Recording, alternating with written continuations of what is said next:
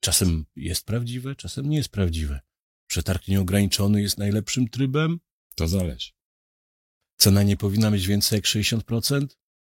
To zależy. Mm. Najlepsze wynagrodzenie jest ryczałtowe. To zależy. No to może chociaż, jeżeli cena odbiega o więcej jak 30% od budżetu, to jest podejrzanie rażąco niska. A to też zależy. Prawda.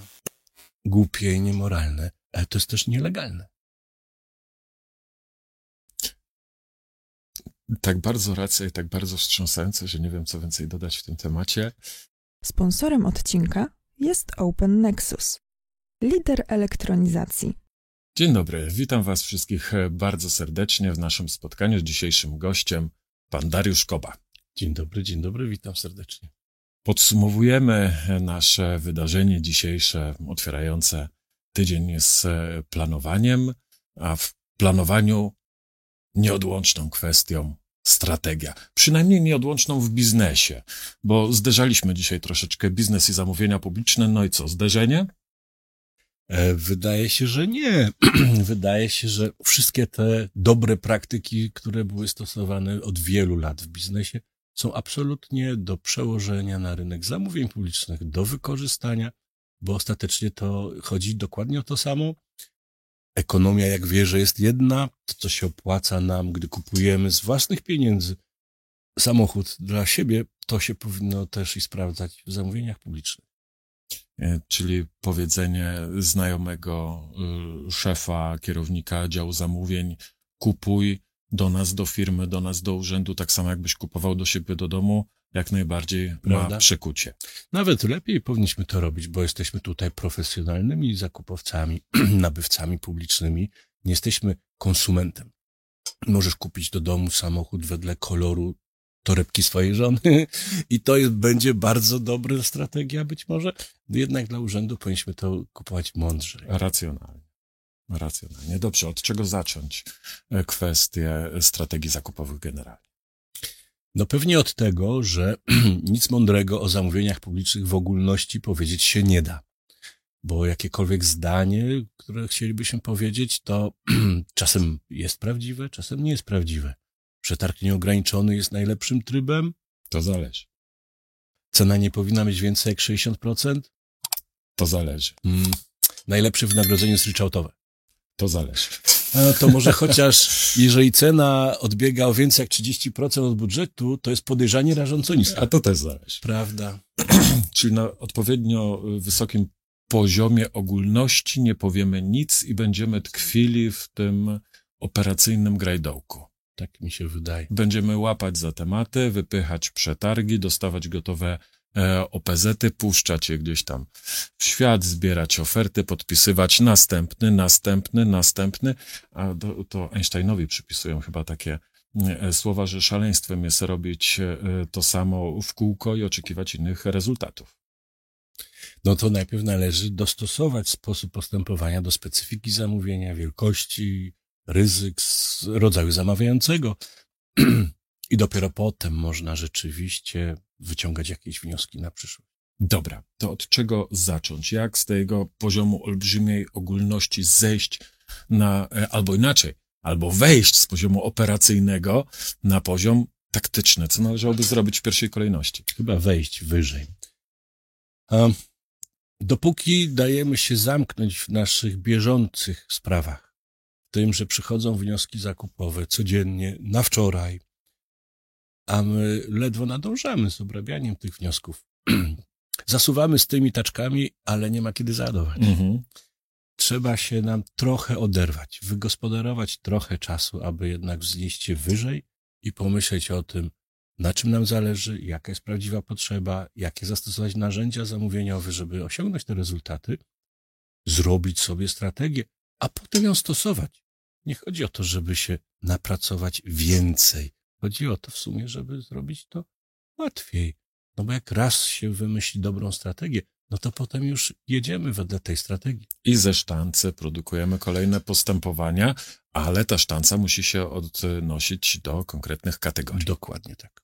Czyli nie mamy kategorii jednej sztancy jednej, bo tak to w tej chwili wygląda u większości zamawiających, nie? Jest przetarg. Więc przetarg leci w takim trybie albo w śmakim trybie i to jest taka sztanca, a tu jest inna. E, to jest trochę za mało.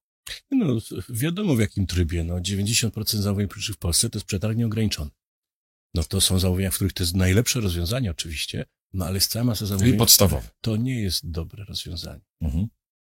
Tak, tak. Możemy, możemy sobie wypracować pewien sposób postępowania, pewną ścieżkę e, postępowania, no ale to dla każdej kategorii trochę będzie inna. Czyli e, reasumując, należałoby zacząć od tego, żeby jasno określić, cóż takiego my w organizacji faktycznie kupujemy. Tak. Czyli od podziału tych naszych wydatków na kategorie zakupowe. Wedle nie nowej przecież, starej zasady w dyrektywach już od wielu lat zapisanej jeden sklep, jeden cel. Mhm. To, co służy tym samym celom i jest dostępne u tego samego grona potencjalnych wykonawców, kupujemy razem. To, co nie, kupujemy oddzielnie. Dobra, czyli ja to sobie tak e, lubię wyobrazić czasami, jak to, e, jak to wygląda. Na razie mamy mąkę, całą masę drobniutkich zamówień, drobniutkich elementów. Rozumiem, że z e, tej, z tej mąki należałoby sklecić pewne klocki. Klocek per kategoria, tak? I mamy, I mamy ileś tam tych klocków, mamy ileś tam tych kategorii, już nie mamy do czynienia z pyłem rozdrobnionym, już e, mamy do czynienia z pewnymi grupkami, z pewnymi ulepami, nazwijmy to, ale pozytywnie, e, nie, że ulep samochód, co się z pięciu różnych składa. E, I teraz co z tymi klockami mm, robimy? Bo one są różne. One są bardzo różne. Próbujemy analizować je pod kątem no, wielkości wydatków, stopnia skomplikowania, ryzyk związanych z tymi wydatkami. E, próbujemy stosować trzy rodzaje analizy ABC, XYZ i moim zdaniem najlepsza, najważniejsza, z której wypływa najwięcej praktycznych wniosków do postępowania, czyli macierzka Elicza. E, Pokazująca na osi pionowej, najczęściej pionowej, e, kwestie e, wartości danego zamówienia, da- danego klocka, danej kategorii i na poprzecznej osi pokazująca złożoność danego tematu, czy jest to temat łatwy czy trudny, tak w telegraficznych słowach e, i, i e, dramatycznie całość e, spłycając. No i dobra, i mamy, i mamy tą naszą mm, macierz, mamy te cztery ćwiartki i co trzeba zrobić z klockami? Najprościej chyba to jest zastosować strategię, która jest chyba jedyna obecna w tej chwili w Polsce, tak? Zróbmy przetarg nieograniczony, 100% cena, a nawet jeśli są jakieś inne kryteria, to jednak wybierzmy najtańszą ofertę. Zróbmy A prostą nawet jak są, to są takie, żeby każdy dał maksa i tak O, cena. ja. Mhm. Zróbmy prostą ryczałtową umowę, nie róbmy za wysokich warunków, bo po co ograniczać konkurencję? To jest bardzo piękna, skuteczna strategia, ale tylko do e, zamówień, które są wysokie wartościowo, ale nieryzykowne. Łatwe, proste i przyjemne, tak zwane dźwignie. Ja myślę, że y, chyba jednym z pierwszych y, i największych grzechów zamawiających jest to, że nie wiem, czy na skutek zaszłości, czy na skutek obaw przed kontrolą, we wszystkich czterech ćwiartkach, we wszystkich Robimy czterech obszarach strategię. robimy tą samą strategię, którą robimy do, e, do dźwigni, tak? Czyli faktycznie e, parcie na cenę, najbardziej przejrzyście, najbardziej tutaj, e, najodpowiedniej ten pieniądz publiczny wydajemy, więc chyba, chyba okej, takie podejście zamawiających, myślę, pokutuje w tej chwili. Słabo, słabo to, to.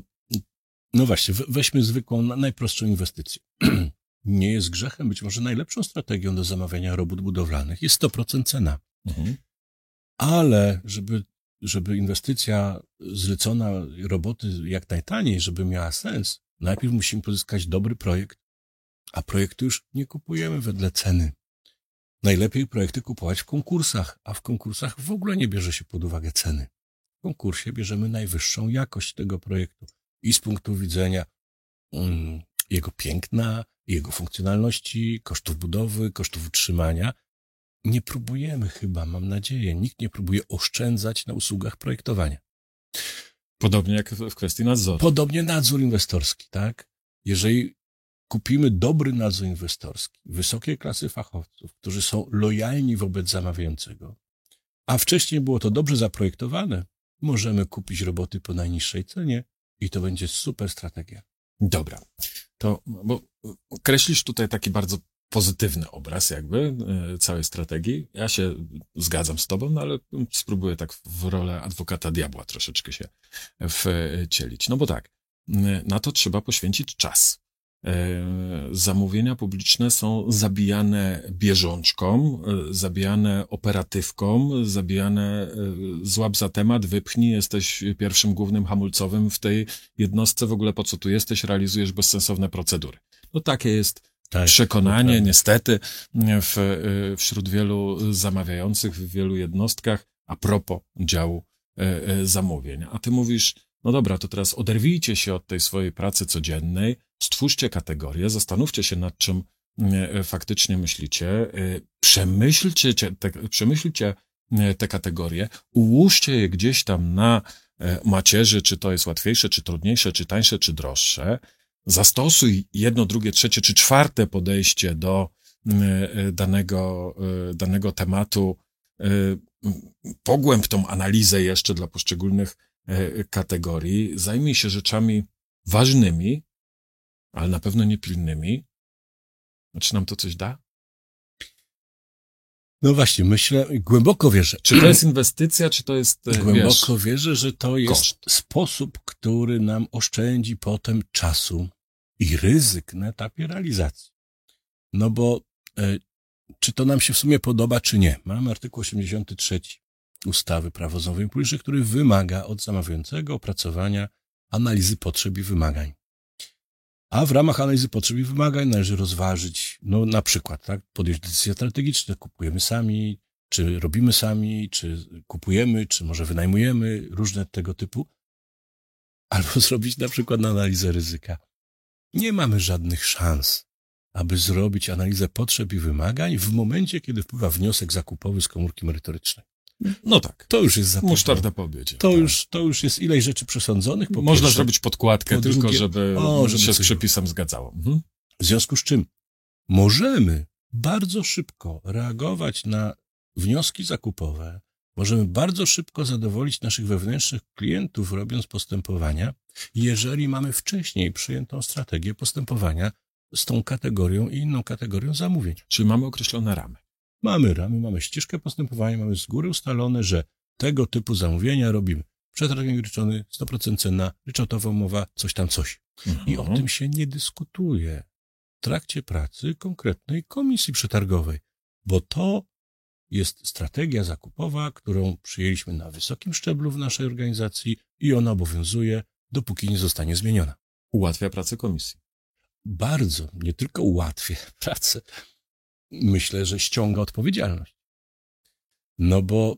Przyjdzie kontrolujący, zacznie zadawać pytania, a dlaczego, dlaczego to, a dlaczego kryteria? to, a dlaczego to. Jasne. Mhm. A komisja mówi, panie inspektorze, bo my mamy taką politykę zakupową w naszej organizacji, uchwaloną gdzieś tam, przy... zapraszamy trzy piętra wyżej, tam to zostało przyjęte, My tylko stosujemy. To też jest ważne. Dwa, dwa aspekty. Żebyśmy kupowali mądrze i żebyśmy kupowali bezpiecznie.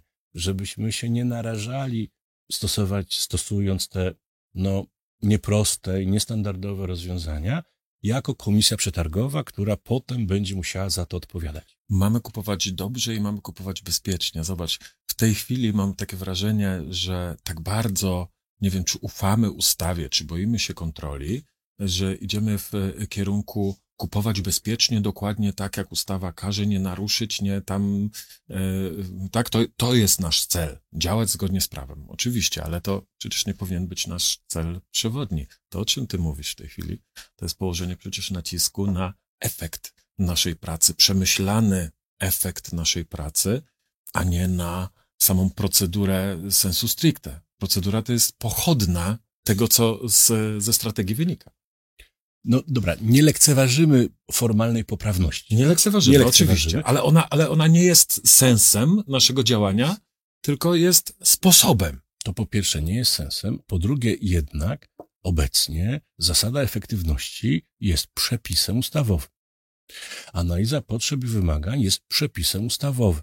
W związku z czym dzisiaj, jeśli ktoś mówi, a co prawda nie osiągnęliśmy zakładanych rezultatów, wykonawca zszedł, nie wykonał tego, co miał zrobić, ale za to przetarg był wzorcowo zrobiony. nie może tak mówić. Jeśli nie osiągnęliśmy rezultatów, to znaczy nie osiągnęliśmy efektywności zamówienia publicznego, to znaczy to jest nie tylko głupie i niemoralne, ale to jest też nielegalne. Tak bardzo racja i tak bardzo wstrząsające, że nie wiem, co więcej dodać w tym temacie. E, Darku, dziękuję Ci bardzo za to dzisiejsze nasze spotkanie, za dzisiejsze e, nasze wcześniejsze spotkanie, do tego live'a i, i dzisiejsze nagranie. E, Wam wszystkim życzę wszystkiego dobrego i pamiętajcie, koncentrujcie się na rzeczach ważnych, a nie tylko na rzeczach pilnych, bo to może prędzej czy później zaowocować.